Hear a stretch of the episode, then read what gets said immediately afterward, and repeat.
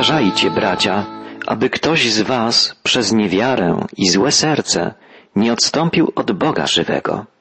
To ostrzeżenie kieruje autor listu do Hebrajczyków do wszystkich wierzących. Jak pamiętamy, trzeci rozdział tego listu zawiera wielką przestrogę dla ludu Bożego. Autor, cytując Psalm 95, ostrzega Hebrajczyków, a także lud Nowego Przymierza, przed niebezpieczeństwem niewiary, nieposłuszeństwa, niebezpieczeństwem odstępstwa. Pamiętamy z poprzedniej audycji, iż autor listu jako negatywny przykład wskazał lud izraelski wędrujący po pustyni, który z powodu niewiary, nieposłuszeństwa nie wkroczył do ziemi obiecanej za dni Mojżesza. Czytamy od siódmego wiersza trzeciego rozdziału listu. Tak mówi Duch Święty. Dzisiaj, jeśli usłyszycie Jego głos, niech serce wasze nie będzie jak kamień, jak podczas buntu na pustyni, w pamiętny dzień próby, gdy wasi praojcowie kusili mnie i wystawiali na próbę, chociaż patrzyli na moje dzieła przez czterdzieści lat. Dlatego rozgniewałem się na to pokolenie i powiedziałem, myśli ich zawsze są przewrotne, nie chcą moich dróg. Przeto zagniewany postanowiłem, iż nie zaznają spoczynku u mnie. W tym fragmencie listu, zawierającym obszerne cytaty ze Starego Testamentu, przypomniana jest historia Izraelitów, którzy w czasie wędrówki przez pustynię zatwardzili swoje serca, to znaczy byli nieczuli na głos Boga. Okazali się nieposłuszni, krnąbrni, nie ufali Bogu, narzekali, buntowali się. I dlatego Bóg przez czterdzieści lat wodził ich po pustyni, aż poumierali. Do ziemi obiecanej wkroczyły dopiero ich dzieci, nowe pokolenie Izraela, pod wodzą Jozłego. Autor listu przypomina tę historię i pisze dosłownie, iż Izraelici zatwardzili swoje serca w czasie prowokacji i w dniu pokusy. Wyrażenia prowokacja i dzień pokusy są też nazwami miejscowości Massa i Meriba. Właśnie tam buntowali się Izraelici, gdy odczuwali pragnienie, gdy brakowało im wody. Nie ufali Bogu. Nie wierzyli, że Pan może zaspokoić wszystkie ich potrzeby w czasie marszu przez pustynię. Zaczęli żałować, że wyszli z Egiptu. I wtedy Bóg nakazał Mojżeszowi przemówić do skały i wydobyć wodę dla ugaszenia pragnienia ludzi i zwierząt. Jednak zniecierpliwiony wiecznym narzekaniem ludu Mojżesz, zamiast przemówić do skały, uderzył ją swoją laską. Woda wytrysnęła, ale z powodu nieposłuszeństwa i braku zaufania ze strony ludu i samego Mojżesza, Bóg oświadczył, że ani Mojżesz, ani całe jego pokolenie nie wejdą do ziemi obiecanej. Ziemia obiecana jest obrazem odpocznienia w wierze, odpocznienia, o którym mówiliśmy w czasie poprzedniej audycji, a które to odpocznienie jest głównym tematem trzeciego i czwartego rozdziału listu do Hebrajczyków. Autor listu ostrzega, uważajcie, by nie okazać tego samego nieposłuszeństwa, tej samej nieufności względem Boga, abyście i wy nie utracili, tak jak wasi praojcowie, oczekujących was błogosławieństw. Jest jeszcze czas, podkreśla autor listu, czas, kiedy możemy mówić dzisiaj. Dla każdego człowieka owo dzisiaj oznacza czas trwania życia. Okażcie Bogu zaufanie i należne mu posłuszeństwo, wzywa autor listu, dopóki macie taką możliwość, dopóki wasze życie trwa, zanim skończą się wasze dni. Bóg każdemu wierzącemu człowiekowi oferuje swoje błogosławieństwo. Izraelowi Pan obiecał odpocznienie w ziemi obiecanej, a nam dzisiaj oferuje odpocznienie w wierze, odpocznienie u boku Chrystusa, Zbawiciela i Pana. Komentując ten fragment listu do Hebrajczyków, nieżyjący już niestety profesor William Berkeley napisał, aby otrzymać Boże błogosławieństwa, należy spełnić dwa warunki. Po pierwsze, konieczna jest ufność. Musimy ufać Bogu. Musimy wierzyć w prawdziwość tego, co Bóg powiedział. Musimy związać swoje życie z Jego obietnicami. Po drugie, konieczne jest posłuszeństwo. Jest tym podobnie jak z posłuszeństwem wobec lekarza. Na przykład, gdy lekarz mówi nam, mogę cię wyleczyć, ale musisz dokładnie stosować się do moich zaleceń. Tak samo może powiedzieć nauczyciel. Mogę cię wykształcić. Możesz zostać naukowcem, o ile będziesz wiernie wykonywał zlecone ci zadania. Podobnie trener może powiedzieć do zawodnika, mogę uczynić z ciebie mistrza, o ile będziesz przestrzegał zasad obowiązującej cię dyscypliny. W każdej dziedzinie życia powodzenie zależy od posłuszeństwa słowom specjalisty. Bóg, o ile możemy tak powiedzieć, jest specjalistą w dziedzinie życia. I dlatego nasze prawdziwe szczęście zależy od posłuszeństwa Jego Słowu. Boża propozycja posiada jednak pewne ograniczenie. Tym ograniczeniem jest trwanie naszego życia. Właściwie nie wiemy, kiedy się nasze życie zakończy. Możemy mówić, może jutro, ale do tego jutra możemy nie dożyć. Wszystko, co mamy, to dzień dzisiejszy. To nasze dzisiaj. Ktoś powiedział, każdy dzień musimy przeżywać tak, jakby to był nasz dzień ostatni. Boża propozycja musi być przyjęta dzisiaj. Ufność i posłuszeństwo Bogu muszą być okazane dzisiaj, bo nie jesteśmy pewni, czy dożyjemy jutra. To jest największa Boża propozycja, ale jedynie doskonała ufność i pełne posłuszeństwo, i to okazane dzisiaj, są warunkiem otrzymania błogosławieństwa, wypełnienia się Jego obietnic. Inaczej może być za późno. Właściwie cały ten fragment listu do Hebrajczyków mówi o potrzebie nawrócenia, jest wezwaniem do wewnętrznej przemiany człowieka, przemiany mającej nastąpić przez podporządkowanie się woli Boga, woli wyrażonej w Jego słowie. Spójrzmy tu na mocny apel, by wytrwać w wierze, by nie poddawać się pokusom, by zwycięsko pokonywać wszelkiego rodzaju trudne doświadczenia. Im bardziej poznajemy Bożą moc i wielkość, tym lepiej zdajemy sobie sprawę z naszej własnej słabości i małości, znikomości. Dopiero wtedy zaczyna w nas działać Boża moc. Moc umożliwiająca to, co niemożliwe i pokonująca to, co wydaje się być nie do pokonania. List do Hebrajczyków przestrzega nas przed odpadnięciem od Boga żywego. Jest to niesłychanie istotne ostrzeżenie. Nikt nie może nas wyrwać spod Bożej opieki. Stwierdza to bardzo wyraźnie Słowo Boże. Na przykład w liście do Rzymian apostoł narodów pisze Jestem tego pewien, że ani śmierć, ani życie, ani aniołowie, ani inne potęgi niebios, ani teraźniejszość, ani przyszłość, ani wyżyny, ani głębie, ani jakiekolwiek inne stworzenie nie zdoła nas oderwać od miłości, którą Bóg okazał nam w Chrystusie Jezusie, naszym Panu. Tak, nikt i nic nie jest w stanie oderwać nas od Boga, ale uleganie własnym słabościom, własnym zmysłom, pragnieniom, brak ufności, nieposłuszeństwo, krnąbrność, upór złego serca, wszystko to prowadzi do zrezygnowania z Bożej opieki. Spójrzmy na ostrzeżenie ukazane nam przez autora listu. Nikt nie odłączył tamtych ludzi za dni Mojżesza od Bożej miłości. Oni sami świadomie z niej zrezygnowali. Efekty znamy z historii biblijnej. Złe i niewierzące serce, o którym pisze autor listu, to serce przewrotne, niedowierzające Bogu. Tego rodzaju postawa prowadzi do wyrzeczenia się Chrystusa, do odpadnięcia od Boga żywego. Uważajcie, bracia, aby ktoś z was przez niewiarę i złe serce nie odstąpił od Boga żywego. Ale napominajcie się wzajemnie każdego dnia, dopóki trwa nasze dzisiaj, aby nikt zwiedziony przez grzech nie stał się jak kamień, żeby przeciwdziałać skamienieniu serca, żeby zapobiegać zwiedzeniu, odstępstwu, musimy napominać się wzajemnie, pouczać, budować, pocieszać, dopóki trwa nasze dzisiaj, podkreśla autor listu.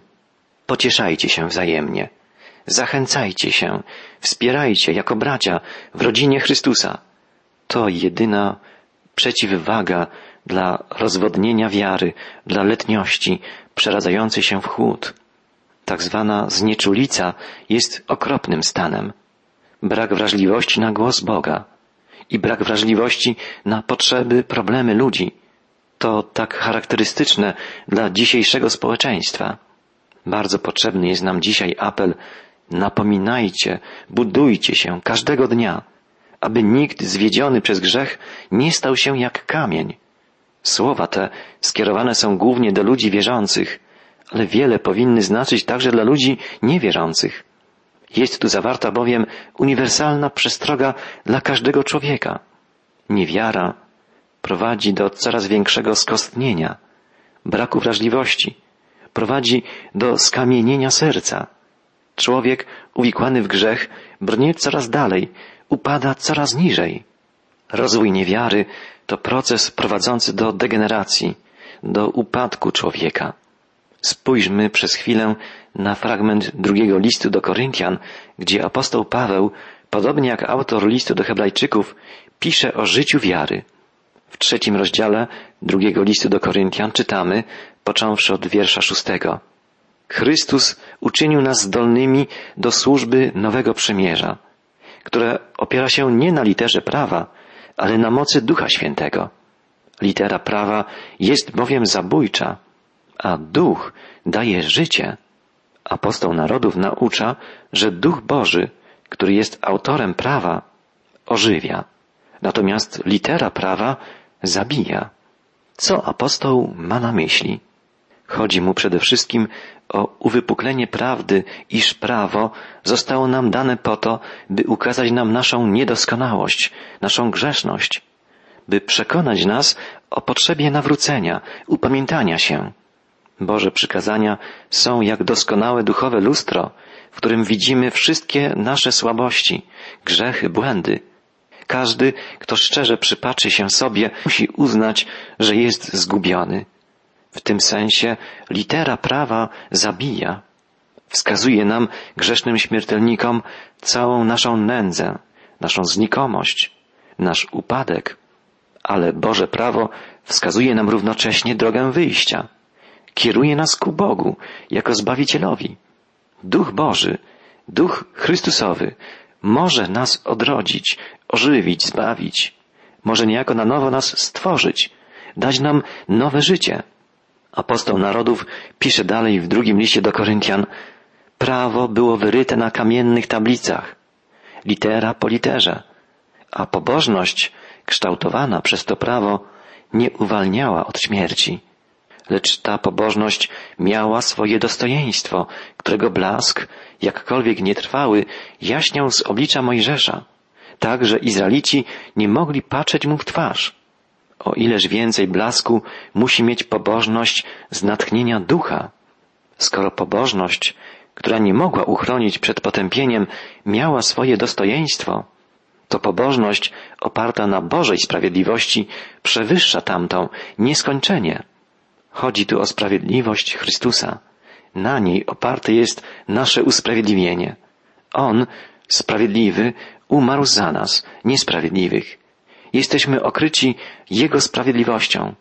To znaczy, dzięki Jego dziełu odkupienia możemy być usprawiedliwieni, oczyszczeni przed Bogiem poprzez wiarę. Dzieje się to poprzez przyjęcie daru zbawienia oferowanego nam w Jezusie Chrystusie. Posłuchajmy dalszych słów apostoła Pawła. To, co przemijające, miało swój blask. O wiele więcej jaśnieje to, co trwa, Stąd czerpiemy nadzieję, która nam pozwala występować z całą otwartością. Nie tak jak Mojżesz. Zasłaniał on twarz, by Izraelici nie zatrzymali wzroku na tym, co nieuchronnie przemija. Dlaczego Mojżesz zakrywał twarz? Żeby Izraelici nie dostrzegli, iż odbicie chwały Bożej, jaśniejącej na jego obliczu, zanika, przemija. Natomiast chwała Chrystusa, zmartwychwstałego Pana nie przemija. Trzeba jednak ją dostrzec duchowymi oczyma. Trzeba nawrócić się, trzeba przejrzeć. Oni jednak byli zaślepieni. Dlatego aż do dnia dzisiejszego gdy czytają Stary Testament, nie mogą zdjąć zasłony, bo tylko Chrystus może ją usunąć. Tak, tylko Jezus może zdjąć z naszych duchowych oczu zasłonę grzechu, zasłonę nieposłuszeństwa, niewiary. Tylko On może zdjąć zasłonę niewiedzy z naszego umysłu, z naszego serca. Ale gdy się nawrócą do Pana, zasłona opadnie, pisze dalej apostoł. Mówiąc o Panu, mam na myśli ducha, a gdzie duch Pana, tam panuje wolność.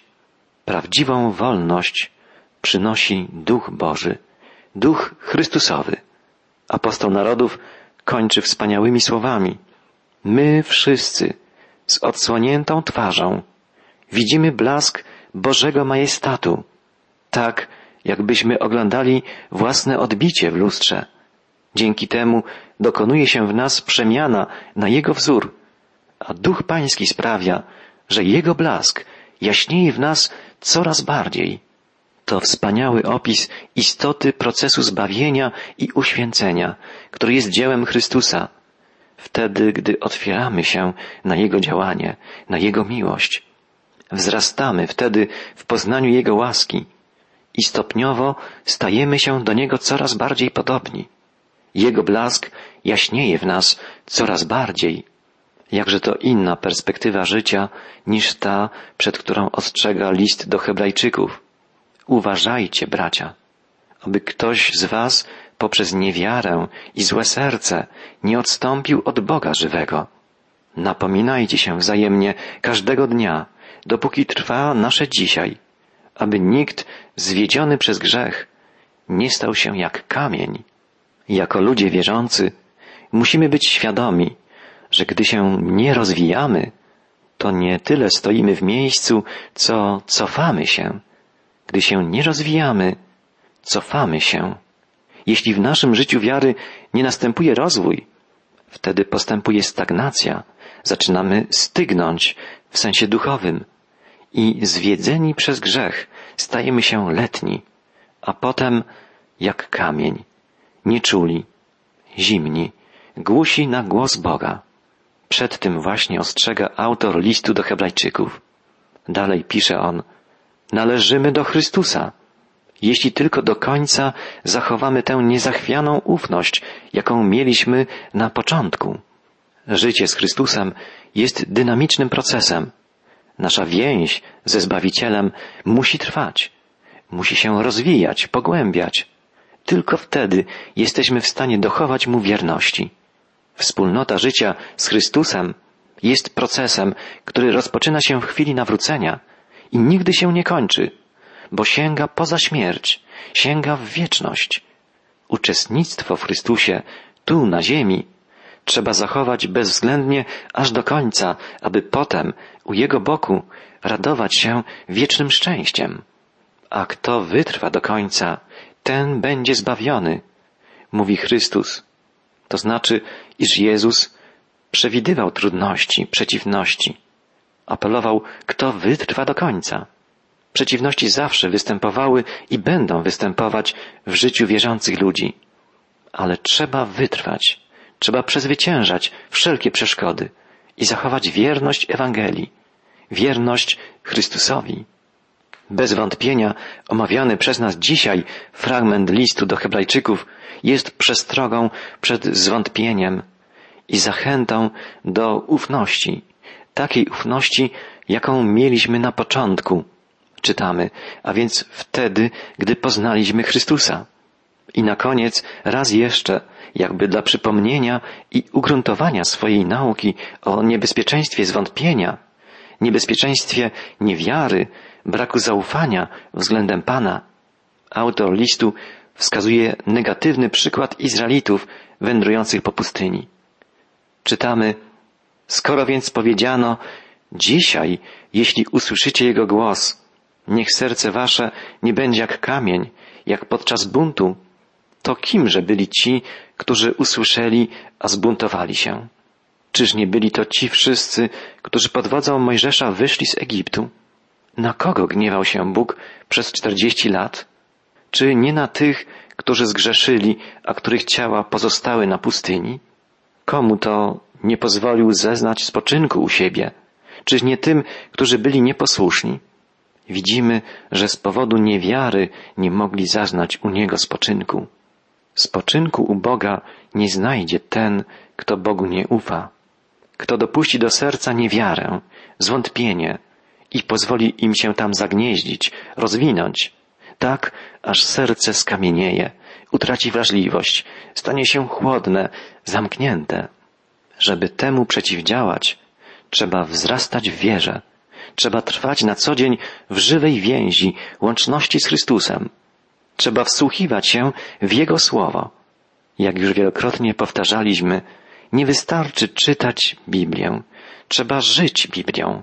Trzeba żyć jej treścią, starać się realizować ją w życiu.